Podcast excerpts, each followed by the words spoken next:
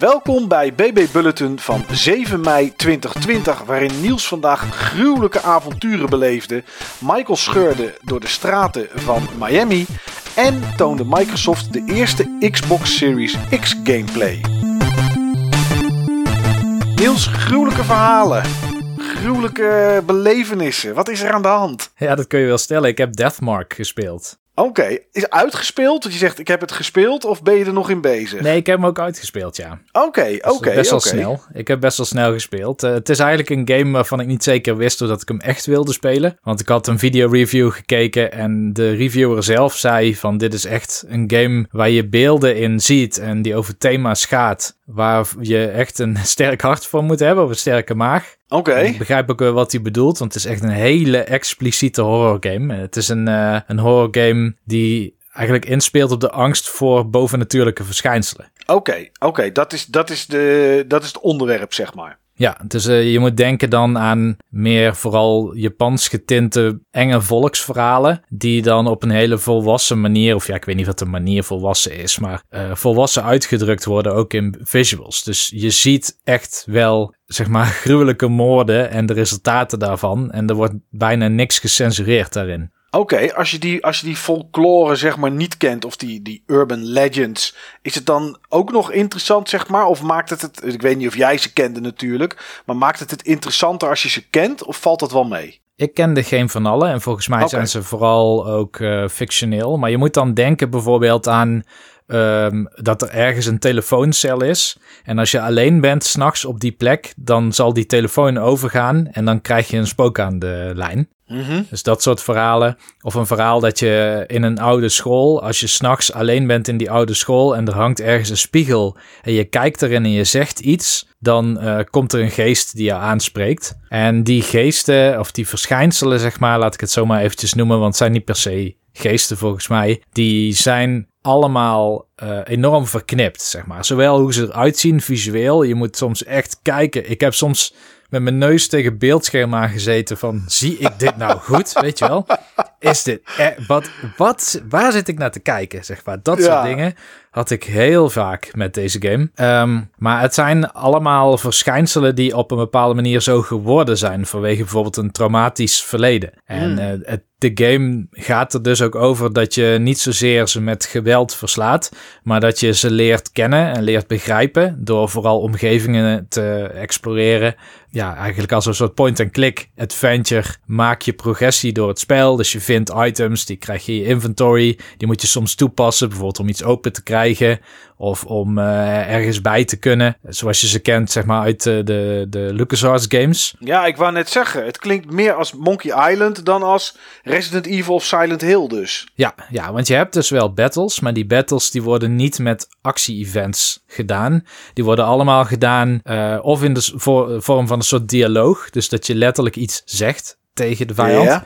Of in de vorm van eh, het op de juiste manier gebruiken van een item. Omdat het item iets te maken heeft met de angsten of het trauma of het verleden van dat natuurverschijnsel. Ah, oké, oké, dat, dat kan wel interessant zijn. Ja, en de game is van Experience Inc. En dan denk je, hè, daar heb ik nog nooit van gehoord. Ik had er tenminste nog nooit van gehoord. Nee, ik ken het ook niet. Het is eigenlijk een developer van onder andere Demon Gaze of Operation Abyss. En daar heb ik wel eens van gehoord. Het zijn van die first-person dungeon crawlers voor de Vita. Ja, En je ziet ook dat DNA terug in deze game. Dus de, de navigatie door de ruimtes heen voelt als een first-person dungeon crawler. Waarin je zeg maar hoeken van 90 graden hebt, weet je wel. Ehm, en dus op die manier door een, of een school of, eh, of een oude achterbuurtse wijk in Tokio of zo je door de omgeving begeeft. En je hebt een soort van point-and-click. Dus het is wel first person dat je alles ziet. Maar je gebruikt een zaklamp om te interacteren met elementen. Hmm. Dat maakt het ook spannend. Hè? Dus je, je ziet heel weinig, zeg maar. Tenzij je erop schijnt. Maar dat is ook de manier waarop het spel jou weet te confronteren met jumpscares. Die er gelukkig niet superveel in zitten. Maar je hebt wel regelmatig dat je ergens schijnt. En dat je denkt, oh, er staat in één keer iemand, weet je wel. En dan schijn je nog een keer en is die weg. Weg, ja, precies. Ja, ja, ja, ja, oké. Maar wat ik ook wel leuk vind is eh, eigenlijk dat DNA zie je nog wel in meer dingen terug. Want ik zei net, het first person dungeon crawlers op de Vita. Dat zijn normaal games die zijn ja, een soort spin spin-off van het roleplaying game genre. En ook dat zie je terug, want je bent niet per se alleen. Er zijn ook um, andere NPC's die met jou gaan. En de, je kan ook een keuze maken voor een bepaalde party.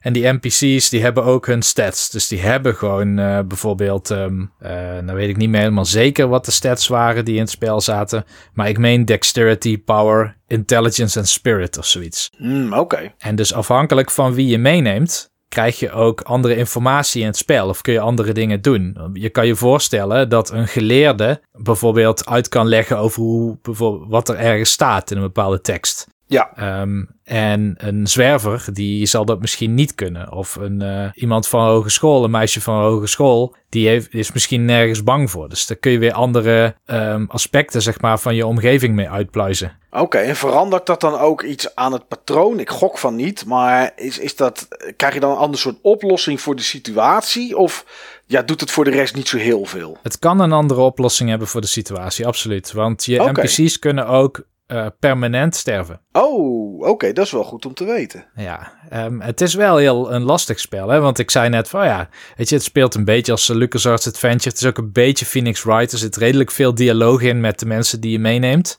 Alleen, ik moet zeggen dat in het begin vond ik het nog wel te doen. Dus zeg maar, het eerste chapter, je hebt meerdere chapters.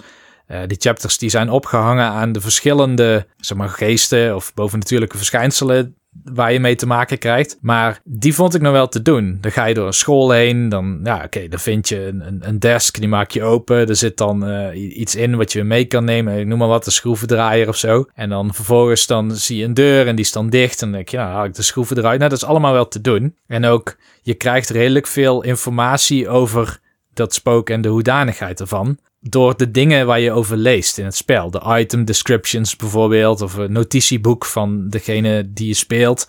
Um, alleen op een gegeven moment merkte ik dat ik in chapters kwam en ik had soms het idee van hoe had ik dit kunnen weten? Want je gaat gewoon dood als je niet uitkijkt in die dialogue systems, zeg maar. Ja. Um, en dan af en toe dacht ik, wat, dit is zo ver gezocht. Hoe kan ik ooit weten dat je dit moet antwoorden? Dus ik heb met een guide op mijn schoot die game maar uitgespeeld. Ja, oké, okay, snap ik. Ja. Ik zie dat het trouwens een hele reeks is. Tenminste, een hele reeks. Het zijn drie games die daaronder vallen. Onder de, de, de Spirit Hunter reeks zie ik. Klopt, ja. Ja, je hebt NG, heb je ook nog. Die heb ik, ja, die game. En er is, er een ontwikkeling. Ja. Ja, ja, inderdaad. Shibito Magire, denk ik dat ik het uit moet spreken.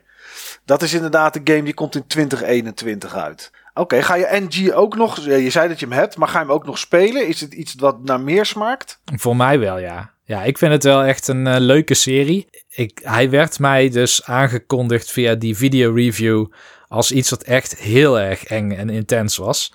En ik had het in het begin ook wel, maar op een gegeven moment wen je wel een beetje aan de stijl. En sowieso, zeg maar, de bovennatuurlijke horror is niet per se iets ja, dat voelt voor mij meer als een sprookje, weet je. Dat staat best wel ver van me af. Dus ja, ik ja. kan me er makkelijker toe verhouden. Uh, op, ja, eigenlijk op een fictionele manier, zal ik maar zeggen.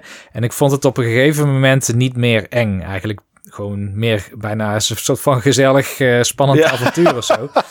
Klinkt misschien maf, want er gebeuren echt gruwelijke dingen. Echt, en echt gruwelijke dingen. Uh, die ik nog niet in games heb gezien. Maar um, Nee, ik heb zeker wel zin om meer van deze games te spelen. Ik denk niet meteen nu, maar zeker wel binnen een jaar. Ja, ja. oké, grappig. Nou ja, het is wel weer eens wat anders. Dat is wel leuk. Ja. Uh, ik ben aan het racen geslagen in Miami. En dat was eigenlijk de enige plaats die ik me even kon, uh, kon herinneren. Want uh, ja, het, het, is geen hele grote game die ik afgelopen week een beetje gespeeld heb. Maar er kwam een nieuwe Forza game uit. Heb je dat voorbij zien komen toevallig? Nee, helemaal niet. Nee, nou, dan weet je al waarschijnlijk waarop het is. En dat is op mobiel. Forza Street is uitgekomen afgelopen week. En eh, omdat ik nog midden in een Plague stil zat... en ik Final Fantasy volgens mij afgelopen weekend heb uitgespeeld... Uh, toen was ik nog niet echt aan een andere, grotere game begonnen. En toen dacht ik van, oké, dit komt voorbij. Het is een Microsoft game. Dus ja, weet je, wil niet zeggen dat het dan automatisch goed is. Ik bedoel, we hebben van Nintendo ook mobiele games gezien die nou niet zo geweldig waren. Maar ik denk, laat ik het eens proberen. Want ik was benieuwd eigenlijk hoe ze dit hadden gedaan op een mobieltje. Nou, het antwoord is heel simpel. En daardoor heb ik eigenlijk ook na twee dagen de game weer van mijn mobiel afgegooid. Uh, de uitdaging is niet zo heel erg groot. En dat is toch wel een beetje jammer. Er zit een verhaal in. En het verhaal ben ik eigenlijk alweer kwijt. Want dat boeit helemaal niet. Iets met mensen, jij bent een nieuwkomer, je moet je bewijzen. Nou ja, standaard verhaal voor in een, uh, in een race game. Het is een straatrace game. Dus uh, ja, je verzamelt auto's die je kan upgraden. Nou ja, goed, het is een mobiele game. Dus wat zit erin? Uh, microtransacties zijn mogelijk. Er zitten timed events in. Uh, als je een nieuwe auto verdiend hebt, dan wordt die een dag later bij je afgeleverd. Dus dat duurt echt 24 uur in het echte leven. Um, nou ja, dat soort dingetjes zitten er allemaal, zitten er allemaal in. Alles wat je kan verwachten van, ja, van een mobiele game van vandaag de dag. Maar goed, ik denk, ik was toch wel benieuwd hoe het er grafisch uit zou zien. En ja, ook hoe het speelde. Nou, grafisch ziet het er best aardig uit voor een mobiele game. Ehm, daar ontbreekt het niet aan, maar het ontbreekt wel een beetje aan de uitdaging. Want ja, hoe verwacht je nieuws dat dit speelt, een racegame op een mobiel? Ik weet niet hoe precies je kan sturen. Daar zit vooral mijn uh, zorg, zou ik zeggen. Oké, nou die zorg kan, je, kan ik helemaal wegnemen. Je hoeft niet te sturen. Oké, laat maar zitten dan. ja, nou ja, dat had ik dus ook. Wat je doet is, um, op het moment dat er een race start, kan je met uh, aan de rechterkant van het scherm, dus 9 van de 10 keer zal dat je duim zijn, kan je het gaspedaal indrukken. En um, nou, je hebt een gedeelte van te veel gas geven. Uh, goed, maar te weinig. En daartussenin zit een stukje, dat is eigenlijk perfect. Dan heb je de perfecte start. Nou, als je drukt, geef je gas alsof je op je pedaal drukt. Dus je kan hem niet in het groen houden. Je moet dan elke keer een beetje drukken en hopen dat je goed zit. Nou, op het moment dat de race begint, hou je eigenlijk ingedrukt. Aan de linkerkant van je scherm heb je een boostmeter. Een soort nitro. Nou, dat loopt op in een rondje. Er zijn twee rondjes, een binnenste en een buitenrondje, die vol kunnen, kunnen, kunnen raken. Uh, alles gebeurt met een soort Michael Bay-achtige camera. Dus je ziet de auto's van links aankomen, van rechts. Heel cinematografisch, actiefilmachtig is dat uh, in beeld, wordt dat gebracht. En dan komt er een bocht aan en dan zie je een rode streep. En daar, daarvoor zit een stukje geel. En daarachter zit een stukje geel waar iets op ligt. Dus een, iets, iets wat lichtgevend geel is. En de bedoeling is dat jij gas ingedrukt houdt. Op het moment dat je in het gele gedeelte komt, laat je gas los. Het beste is om dat, dat dan in het lichtgevende stukje te doen. Want dat is de perfect spot, zeg maar. De sweet spot. Als jij je gas loslaat, gaat hij automatisch remmen. Dus dat hoef je ook niet te doen. En op het moment dat je aan het einde van die rode streep van de bocht bent. En je zit weer met je voorbanden in het gedeelte wat lichtgevend geel is. Dan druk je weer op gas. En als je dat goed doet, heb je de perfecte bocht.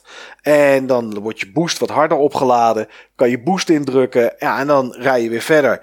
En zo heb ik, uh, misschien verandert het later. Ik kan me niet voorstellen dat er sturen bij komt. Maar qua tracks, um, alles wat ik tot nu toe gespeeld heb in die twee dagen had drie bochten. En dat was het. Ah, test drive. Ja. De eerste. Ja, nou ja, inderdaad. Nee, het is uh, gas geven op het moment dat je start. Ja, dan zorgen dat je op tijd loslaat voor een bocht. Daarna het weer indrukt. En ja, een beetje boosten. En dat is het. En als het te moeilijk is, dan kan je bij het starten van de, van de race kan je aangeven uh, welke auto je neemt. En dan zie je dan de PK's zie je daarbij staan. Nou, de tegenstander zie je ook de PK's staan. Nou, daar zat ik die twee dagen in ieder geval altijd boven. Um, wil je het iets moeilijker hebben, dan kan je zeggen dat de tegenstander met een iets moeilijkere auto rijdt. Ja, en dat is het. Ik weet niet of er online races in zitten tegen anderen. Het lijkt me heel moeilijk. Er uh, zitten wel drivatars in, dus dat je van andere mensen die je niet kent, zie je dan zeg maar wat die gepresteerd hebben op die track. En soms race je daar dan tegen. Dus ik gok niet dat er online races in zitten. Ik heb ook niet gezien dat je kan zien hoe snel jij het gedaan hebt en hoe snel vrienden het gedaan hebben. Uh, want je kan wel connecten met je Xbox, uh, met je Xbox account. Dus dat heb ik wel gedaan. En dan verdien je zelfs gamerscore. Dus je haalt zelfs achievements die je dan weer, uh, die dan weer optellen op je normale account. Dus nou ja, dat is dan nog wel grappig. Maar ja, voor de rest zit er niet zoveel in. Ja, auto's sparen en upgraden en wachten en eventueel, uh, ja, eventueel geld uitgeven. Want je hebt 22 soort bliksems, zeg maar, per dag. En die bliksems die uh, geef je uit als je, een, als je een, ja, een, race gaat racen. Of als je naar de volgende race gaat. Maar er zitten soms ook tussenstations tussen. Um, die tussenstations geven je soms geld of, of of extra andere coins. Er zitten geloof ik twee of drie verschillende soorten coins in. En tickets. En nou, noem het allemaal maar op. Upgrade parts. En soms zitten er ook bolletjes tussen die niks doen. Maar die kosten je wel twee bliksemschichtjes. Dus soms ga je van de ene naar de andere race. En dan kost je dat zes bliksemschichtjes. Ja, als je er maar 22 hebt per dag. Ja, dan heb je niet zoveel acties om uit te voeren. En dan, dan ja, of je kan erbij winnen. Dat heb ik niet gezien. Maar misschien kan dat. Of je moet ze kopen. Of je moet een dag later terugkomen. Dus ja, ik weet niet. Ik, uh, het was even leuk om te testen. Maar ik zou dit niet echt aanraden aan iemand die uitdaging zoekt. Uh, moet ik heel eerlijk zeggen. Ik zou eigenlijk graag een keer willen zien dat iemand een uh, mobile racing game ontwikkelt. Misschien bestaat die hoor. Maar waar het niet gaat over. ik bedoel, als je dan toch niet hoeft te sturen. Laat ja. mij dan bijvoorbeeld schakelen. Ja, dat je de ideale lijn ziet die de wagen sowieso gaat maken, zeg maar. Maar op het moment dat je niet goed schakelt, dan eh, kom je dus met de verkeerde snelheid de bocht in. Dus dan heb je of overstuur of onderstuur, of je hebt hem wel perfect. En dan kun je weer makkelijker uitaccelereren. Maar dat soort dingen zou ik dan veel interessanter vinden. Dat je gewoon swipet. Zo, oké, okay, linksboven, rechtsonder. Hop, nou, even versnelling 1. Oké, snel opschakelen naar 2, naar 3, naar 4. Oh, terug naar 3. Want we gaan uh, een, uh, een lichte bocht, bocht naar... Ja, precies. Ja. Ja, dat zou inderdaad wel interessant zijn. Nou, dat, als je dat zoekt, dan is Forza Street niet de game voor jou. Want dat, uh, nee, dat zit er gewoon echt niet in. Het is alleen maar gas geven, boosten. En ik denk na verloop van tijd uh, klagen dat je niet zoveel kan doen en euro's uitgeven. Ik denk dat het daar uh, onderaan de streep op neerkomt. Er is uh, niet heel veel nieuws geweest afgelopen week nieuws. Behalve dan iets waar we vorige week in uh, eh, BB Bulletin naar hinten. Nou ja, naar hinten, wat we gewoon aangaven. Want het was nou niet echt uh, geheim. Microsoft had vandaag een, ja, een Xbox Insight, een persmomentje. Ja, het is een soort Nintendo Direct. Het zijn trailers en af en toe wordt er wat gezegd tussendoor. En uh, nou ja, ik denk dat Nintendo Direct dat dat altijd aangehaald zal worden als, uh, als voorbeeld. Net zoals Dark Souls, zeg maar, voor uh, moeilijke action RPG's. Ja, heb jij gekeken naar deze Xbox Insight, waarbij de allereerste Xbox Series X gameplay getoond zou worden? Ik heb zeker gekeken en dat was ook dankzij jouw message die je stuurde. Want oh anders oh ja, had ik nog in een meeting gezeten. Ja, ja inderdaad. Nou, het begon om vijf uur. En, en ze hebben een aantal games laten zien. We wisten van tevoren dat we geen first-party games te zien kregen. Dus van de 15 Xbox One Studios, of Xbox Studios moet ik zeggen. Um, ja, daar hebben we geen games van gezien. Dus geen Halo, geen Hellblade. Um, geen Fable 4 waar iedereen denkt dat die eraan komt. Uh, nou ja, dat soort spul allemaal niet. Het was allemaal third party. Uh, ja, wat vond je ervan over het algemeen nieuws? Het was uh, eigenlijk meer dan ik had verwacht van het event. Want eigenlijk al die, um, nou weet ik niet meer hoe die andere Xbox-events altijd heten. Maar er wordt heel veel gepraat en heel weinig getoond. Ja, daar bedoelt die, uh, die X19 en X20-event. Waar er dan iemand in het midden staat. En dan allemaal schreeuwende betalende, uh, betaalde acteurs omheen staan. Die allemaal heel enthousiast zijn. Dat ja. Ja, ja, nee, dus dit was eigenlijk meer hoe ik het zou verwachten dat ze bijvoorbeeld een uh, vervangende de Game Awards reel of zo zouden doen. Het was ook zo'n world premiere verhaaltje, zeg maar. Inderdaad. Nee, dus ik heb me redelijk vermaakt, maar, maar het waren wel gewoon trailertjes. Nou, klopt. En um, ik heb het gevoel dat deze voor de aankomende generatie dat dit eigenlijk niet zo goed werkt. Het probleem wat ik had met het kijken naar de stream Um, voor mij viel het een beetje tegen, moet ik heel eerlijk zeggen. Ik had van tevoren niet superveel verwacht. Ik had wel, maar we lopen er zo wel eventjes even snel doorheen. Iets meer grote partijen verwacht. Al vind ik het wel goed dat er aan alle twee, hè, aan zeg maar indie of kleine ontwikkelaars en grote ontwikkelaars, dat daar een, een mooie, hoe heet het, een, een, mooie verhouding tussen zit. Alleen het probleem wat ik hiermee heb is, heb, is dat voor mijn gevoel gaat de volgende generatie vooral om details en uh, hoe scherp iets is en belichting die en, allemaal ja, geen hele grote dingen. Geen PS2 naar PS3, PS1 naar PS2 momenten, zeg maar. Of Xbox naar Xbox 360. En dan zit je naar een stream te kijken die niet eens op 4K wordt uitgezonden. Snap ik, want dat kost natuurlijk superveel bandbreedte. Het is, als je geluk hebt, 60 frames per seconde. Maar meestal zijn dat soort streams op 30. Er is compressie van Twitch Of, of je het nou kijkt op YouTube of op Mixer of wat dan ook. En dan valt eigenlijk de kwaliteit die de volgende generatie kan leveren. Want we weten dat de PS5 het ook kan en, en de Xbox Series X ook. Die valt een beetje weg. En dan is het toch minder, vind ik. Ik snap wel wat je bedoelt, want inderdaad, de games die je nu zag, die hadden ook, ook allemaal op de PlayStation 4 en de Xbox One kunnen draaien. Voor mijn gevoel wel. Ik denk dat het ook verklaarbaar is aan uh, ja, hoe lang, zeg maar, hebben developers nu, en vooral die third-party developers, toegang tot development kits die eigenlijk al konden, zeg maar, waar de volgende generatie centraal om gaat staan. Dus het snel kunnen laden met SSD bijvoorbeeld, of het, uh, uh, het raytracen van audio. Of überhaupt raytracen van reflecties of zo. Eh, ja. Uh, ze hebben volgens mij vrij lang moeten werken met target specs zonder zeker te weten wat erin kwam. Dus je krijgt nu een soort van halve stap vooruit. Nee, dat zag je ook staan. Hè? Bij, bijna bij elke trailer stond erop dat de console en de game nog in ontwikkeling waren. En, en er stond heel vaak bij dat ze verwachten dat het er zo uitkomt te zien op de Xbox Series X. Dat stond bijna bij elke trailer stond dat eronder. Ja. Maar wat er daarna natuurlijk gebeurt na zo'n stream, is dat de trailers op YouTube komen. En die komen wel in 4K met 30 of 60 frames per seconde. En als je het dan terug gaat kijken, dan zie je in één keer wel enorm veel detail en kwaliteit. Dus ehm, ik, heb, ik heb lijstje gemaakt van wat ik interessant vond. Daar stond één titel op. Totdat ik alles nog eens rustig terug ging kijken. En zag hoe het eruit zag. En dat het dat niet een chat die daarnaast speelt afleidt. En dat soort dingen allemaal. En toen kwam ik toch wel op wat meer dingen die ik uh, erg interessant vond. Dus ik, uh, ja, laten we er even snel doorheen gaan. Als er een game is waar je iets van wil zeggen, dan, uh, dan, dan moet je dat doen. dan, dan kunnen we het er even over hebben. Ja, toch? Ja. Bright Memory was de allereerste game die we zagen. En dat vond ik gelijk een interessante. Het is een uh, soort vreemde mix tussen samurai, Japanse oudheid, maar ook futuristische settings en wapens. Het is een shooter. Je kan rennen over muren heen. Je kan met een soort grappling hoek kan je, je jezelf naar iemand toe trekken. Of diegene naar jou toe trekken. Of boven ergens op een, uh, op een dak terechtkomen, zeg maar. Het was een game die al eerder aangekondigd was. Het was geen, geen hele nieuwe game. Maar ik vond dit wel interessant eruit zien, Niels. Ja, dat vond ik ook wel, moet ik zeggen. Ik had niet per se het Japanse eruit gehaald. Maar ik denk dat uh, voor, voor iemand die die kant nooit opgaat, dat alles wat een beetje ja, oosters eruit ziet, okay, meteen ja.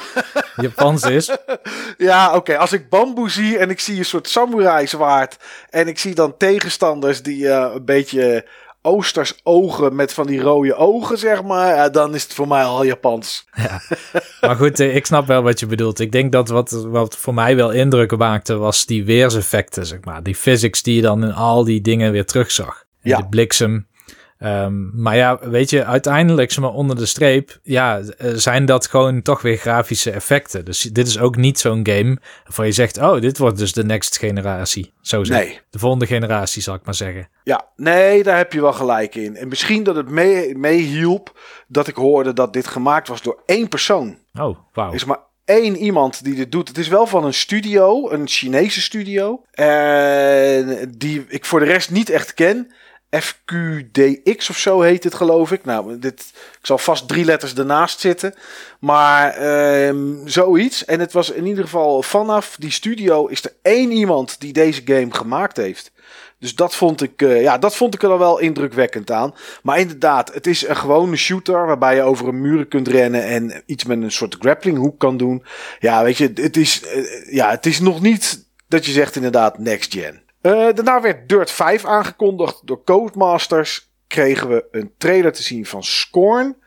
Dat was een, uh, een, nou was, is een horror game, maar ook die kenden we al. Daarna kwam Chorus, Rise as One. En Chorus, uh, ik dacht eerst dat het Core RVS heette, want het was een heel raar lettertype. De U werd een beetje een soort V.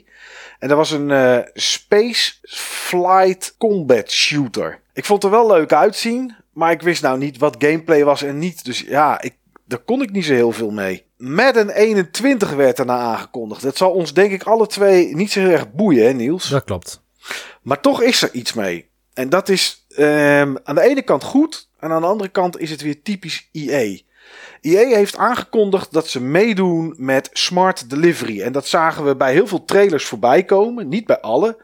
En Smart Delivery wil zeggen voor de Xbox kant, je koopt hem op de Xbox One of Xbox One X. En je krijgt hem straks op de Xbox Series X gratis. Nou, dat is natuurlijk super mooi.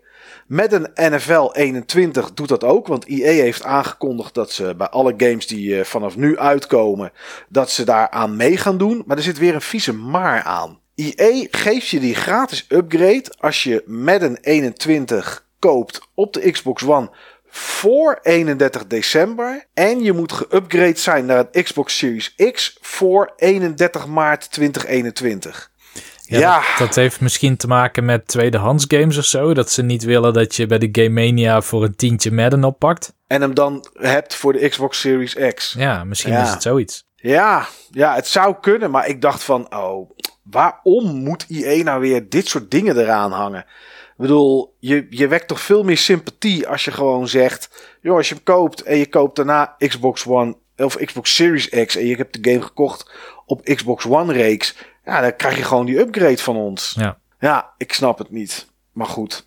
Bloodlines 2, Vampire the Masquerade werd aangekondigd. Ik heb de eerste niet gespeeld. Jij wel, Niels? Ja, dat klopt. Oké. Uh, dus kijk je hier naar uit of was dit voor de rest niet heel boeiend? De eerste game vind ik echt een hele gave game. Die zit ook in mijn top 100.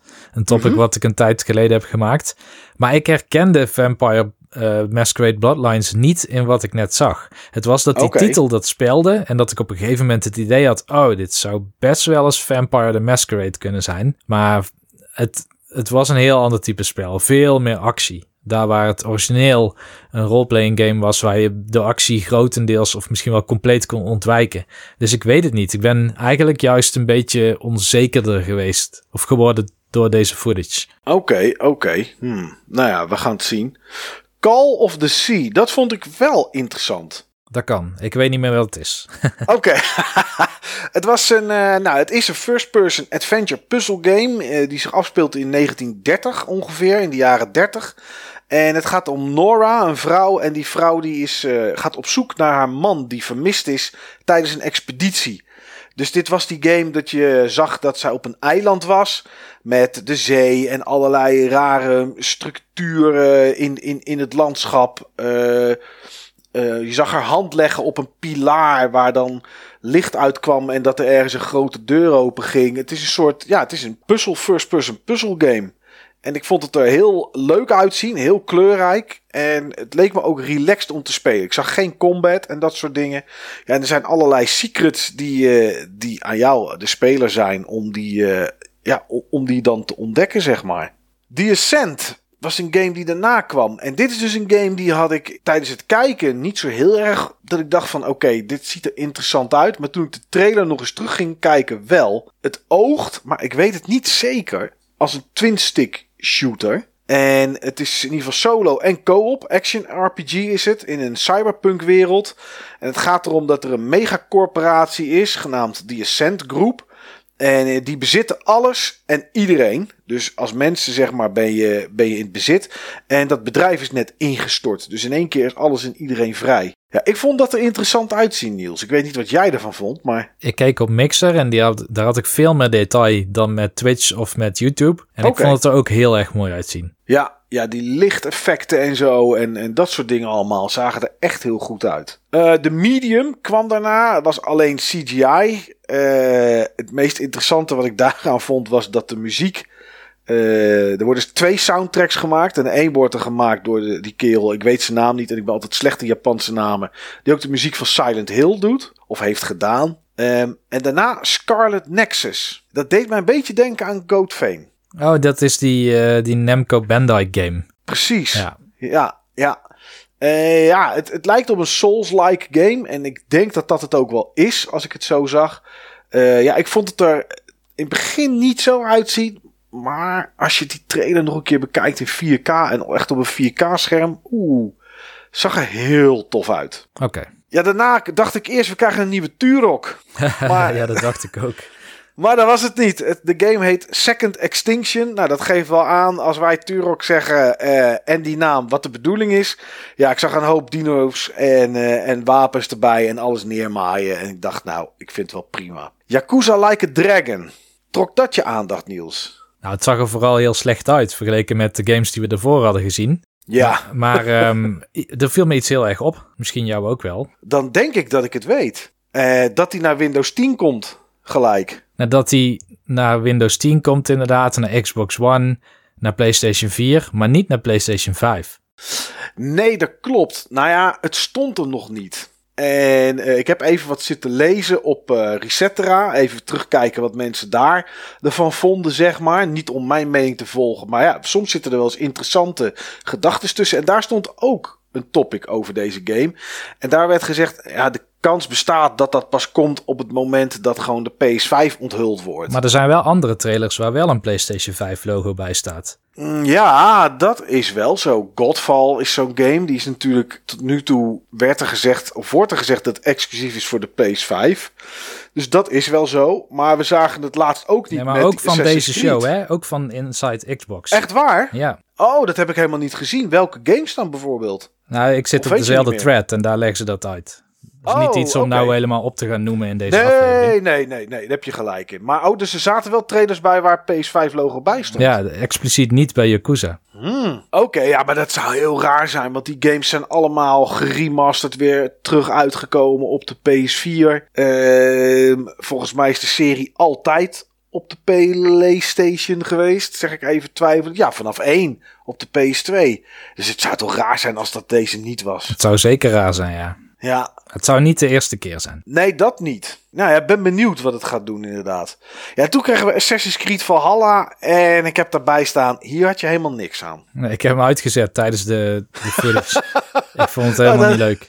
Daar was je wel heel snel klaar want die trailer duurde 1 minuut 33 geloof ik. Ah, ja. Eh, ja, je had er niks aan. Ze zeiden dat het gameplay was, maar het was hooguit in-engine. Maar ik heb geen echte gameplay gezien, helemaal niks. En dat is misschien wel een beetje eh, wat ik als conclusie heb over dit hele, ja, deze hele Xbox Insight. Er werd natuurlijk onwijs gehyped met gameplay, gameplay, gameplay. Maar uiteindelijk, hoeveel echte gameplay hebben we nou gezien, Niels? Eh, ja, in die eerste game zat een beetje. Ja, ja, Bright Memory, dat was voor mijn gevoel compleet gameplay. Het zal niet helemaal zo zijn. Ja, en de rest. De rest eigenlijk niet, hè? Nee, heel veel cutscenes en zo. Ja. Dus ja, wat is jouw gevoel? Weet je, eh, heb je hier nou iets aan gehad aan deze Xbox Insight? Nee, niet voor mezelf. Maar- Wel, eh, één opvallend iets was... eh, uiteindelijk hadden ze ook een slide met de bedrijven die zich aansluiten... bij Ja. Xbox Series X. En die, daar stonden zoveel logo's op. Ik denk dat ik nog nooit een eh console-presentatie heb gezien... met zoveel logo's erop. Ja, ja, eentje staat te dubbel, zag ik. Oké. Links bovenin, Two Ton Games of zo. Iets waar we nog nooit van gehoord hebben. Die staan ook alle twee naast elkaar.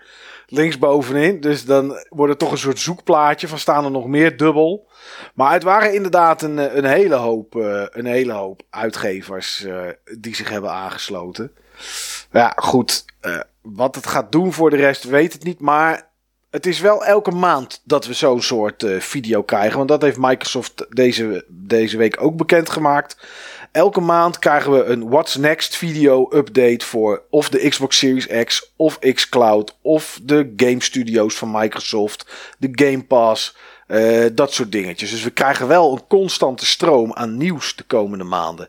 Ja, ik vind dat toch wel prettig. Ja, zeker. Ik vind het een leuk format. Daar hebben we iets te doen, hè? Nou, zeker. Ja, Dus om de ja, vier dat- eh, BBB-afleveringen is het er eentje over Microsoft. Zit er in ieder geval wat van Microsoft in. Ja, of het net zoveel is als vandaag, dat weet ik niet. Nou ja, goed, dat, eh, dat zullen we dan wel zien. Welke game van al die games die je gezien hebt sprak jou het meest aan, Niels? Als je er eentje zou moeten uitkiezen. Poeh, ehm, ja, weet ik eigenlijk niet. Eh, nou, dus, dus eigenlijk niks geen, wat echt heel erg ni- niks voor sprongen, voor, sprongen bovenuit, nee. Nee, nee, nee. Oké. Wat, dit- wat ik me wel afvroeg toen ik dit zat te kijken, dacht ik: oké, bijna al die games hebben smart delivery, dus dat je een upgrade krijgt. Ehm, ik ben nog steeds voornemens op dit moment om als eerste next-gen console de Xbox Series X te kopen. Ga ik dan nu de games die ik wil kopen, ga ik die dan voor de Xbox One kopen? Want ik heb geen Xbox One X. Heb jij een X? Nee, hè? Nee. Nee, maar we hebben alle twee wel een Pro. Dus ja, als je bijvoorbeeld straks Cyberpunk 2077 gaat kopen, dan zou je die in theorie voor het systeem kopen wat 4K doet, zeg maar. Hm. Ja, dat zou voor mij mijn PS4 Pro zijn. Maar als ik straks een Xbox Series X koop en deze game hoort bij eh, de Smart Delivery, dus die wordt geüpgrade, ja, dan speel ik hem liever op mijn Xbox Series X. Ik heb hier gewoon, ik sta gewoon op een soort van, ja, wat moet ik doen? Ga jij daar rekening mee houden met games kopen die misschien een upgrade krijgen of al zeker zijn? Nee, maar ik ben ook niet iemand die per se meteen die game dan hoeft te hebben. Dus dan wacht ik wel tot de versie uit is die echt bij dat systeem hoort. En dan ga ik hem dan pas spelen. Ja, daar heb ik ook aan gedacht, maar ik weet niet of ik het kan met Cyberpunk. ja, dat is waar. Jij bent daar sowieso wel, wel lastiger mee. ja, ja, ik ben daar gevoelig voor inderdaad. Dat is zeker zo, ja. Nou ja, uh, ik heb nog drie kleine dingetjes die misschien leuk, interessant zijn. Of waar ik in ieder geval even heel snel doorheen wil. Uh, Nintendo heeft zijn uh, jaarcijfers bekendgemaakt. De Nintendo Switch is inmiddels 55 miljoen keer verkocht. ik weet zeker dat als die meer beschikbaar was geweest de afgelopen maanden, dat, dat, er, dat ze misschien wel op 60 hadden gezeten. Maar goed. de 3DS wij zitten dan alles bij, dus de hele 3DS-familie, is toch in het afgelopen jaar nog bijna 700.000 keer verkocht. Dat vond ik wel apart. Dat had ik nooit verwacht, nee. Nee, nee. Ik denk, nou, dat ding is, eh, is nu obsolet, maar dat is die dus niet. En Animal Crossing uh, New Horizons, waar wij uh, genoeg uren in hebben zitten en dagen, uh, zijn wij niet de enige in, want die is inmiddels 13,5 miljoen keer verkocht. Zo. Dus dat gaat uh, best wel hard. Uh, wil je een gratis game hebben op PC, dan is Evil Genius is gratis van Rebellion. Uh, het enige wat je daarvoor hoeft te doen is bij Rebellion, de ontwikkelaar, een, een account aanmaken. Die koppelen met je Steam en dan krijg je de game op Steam gratis. En het is een soort ja, Evil Empire sim-achtige game, dus misschien is dat leuk. vanaf vandaag het is de zevende, is Red Dead Redemption 2 uh, eh, te downloaden via de Xbox Game Pass. En uh, we gaan niet altijd opnoemen wat zit er in de Xbox Game Pass, maar dit is toch wel echt wel een grote game die ik niet verwacht had dat we die in zo'n soort vorm zouden zien. Um, dus als je die nog niet hebt en je denkt ik wil die game toch een keer spelen. Ik bedoel, het is nog steeds een mooie tijd om binnen te zitten en te gamen. Ja, uh, ik geloof dat je vast wel ergens voor 3 of 4 euro een, uh, een maand of twee maanden Game Pass. Volgens mij kan je hem zelfs gratis proberen de eerste 30 dagen. Ja, kan je gewoon uh, 60, 70, 80 uur zo in Red Dead Redemption 2 spelen. Uh, steken bedoel ik, niet spelen. Um, en Halo 2 is vanaf 12 mei beschikbaar. Hmm. En uh, dat vinden wij leuk. Ja. Want uh, wij hebben uh, vorige, nee, ik denk een dag of vier, vijf geleden, um, een club buttonbashers gereleased over de allereerste Halo die wij een maand geleden ongeveer zijn gaan spelen. Dus als je denkt van, hey, Halo, interessant, heb ik eigenlijk nog nooit gedaan. Nou, dan zou je eens naar die club buttonbashers kunnen luisteren. En je kan in de Game Pass in ieder geval Halo 1, want die staat er al op, want zo hebben wij hem ook gespeeld, co-op, kunnen, kan je spelen. En vanaf 12 mei is ook Halo 2 beschikbaar. Niels, we zijn er doorheen. Wat meer nieuws was er niet. Het was een rustige week eigenlijk. Als Microsoft er niet was geweest, hadden we waarschijnlijk een minuut of tien geleden al klaar geweest. ja, dat denk ik ook wel, inderdaad. En uh, ik uh, zie, aan de ene kant kijk ik er naar uit en aan de andere kant kijk ik er tegenop dat we dus waarschijnlijk om de vier weken zo'n aflevering krijgen waar we heel snel volgende titel, volgende titel, volgende titel, volgende titel gaan. Ja, ja, als dat. Nu heb ik het eigenlijk alleen gedaan omdat ik dacht van ja, ik weet eigenlijk niet. Bij de E3 noemen we op wat vinden we interessant. Hm. En de rest noemen we eigenlijk niet. En toen dacht ik deze keer, nou ja, goed, er is niet zoveel nieuws, dus laat ik ze allemaal maar noemen. Maar uiteindelijk zie ik nu dat de teller op uh, eh, 43 minuten staat. Dus we zijn uh, al bijna weer een kwartier over tijd, waar we eigenlijk toch elke week al over tijd zijn. Dus uh, heel veel maakt het niet uit. Maar ja, goed, het, zo werkt het nou eenmaal. Dat is ons format over tijd zijn. Over tijd zijn, inderdaad, ja. Goed, um, volgende week is er een nieuwe BB Bulletin waarin wij alle twee weer een game hebben gespeeld die we nog niet besproken hebben. Of misschien heel stiekem wel als we daar in één keer heel veel progressie in gemaakt hebben of een andere mening hebben. En kijken we weer naar het voor ons belangrijkste nieuws van de afgelopen week. Dus wellicht tot dan en in ieder geval nu bedankt voor het luisteren. Nou, wat ik jammer vind is dat we een belangrijk nieuws niet hadden kunnen behandelen deze aflevering vanwege het Microsoft geweld. En dat is dat in Japan hè. Dan Ja. kun je dus eh, met palingen video bellen. Ik wilde net zeggen, ja, maar Niels, we zijn nog aan het opnemen, dus kom maar. Maar wat? Met palingen videobellen? Ja, ja, ja, ik lees eh, dagelijks kranten uit verschillende landen, uit Engeland, Korea, Japan. En eh, er stond in dat in een bepaald eh, aquarium, dus Ja. zo'n bezoekersaquarium, hè, dus geen eh palingkwekerij of zo, maar voor, eh, zeg maar een eh, dierentuin. Ja. Daar zitten palingen in en die zijn heel erg schuw voor mensen onder andere, maar eigenlijk voor alles wat leeft. Dus ze blijven altijd onder het zand zitten. Alleen ze waren zo gewend aan mensen die dan kwamen bezoeken en kwamen kijken naar het aquarium, dat ze gewend waren aan mensen en dus uit het zand naar boven kwamen. En dan zie Ja. je eigenlijk zeg maar palingen zo'n beetje eh, rechtop, zo verticaal staan. En te hebben, iemand heeft daar bedacht van weet je wat we dan doen nu met de, het eh, eh, corona, kunnen dus geen bezoekers komen. We zetten er gewoon een laptop bij en we laten mensen dan video bellen. Nou, ik dacht eerst, toen je het zei, dacht ik eerst dat het inderdaad neerkwam op een palingkwekerij. Net zoals in een restaurant waar je dan een kreeft soms kan uitzoeken. Dat je zegt, doe mij die maar. Dat je dan misschien een paling kon kiezen en dat je dan die opgestuurd kreeg of zo. Maar je kan dus gewoon echt videobellen met de dierentuin. Ja, had het maar iets rationeels inderdaad. Maar nee, je kan video bellen met eh, de, de paling, zodat hij aan jou went. Het, het, is, het is wel typisch.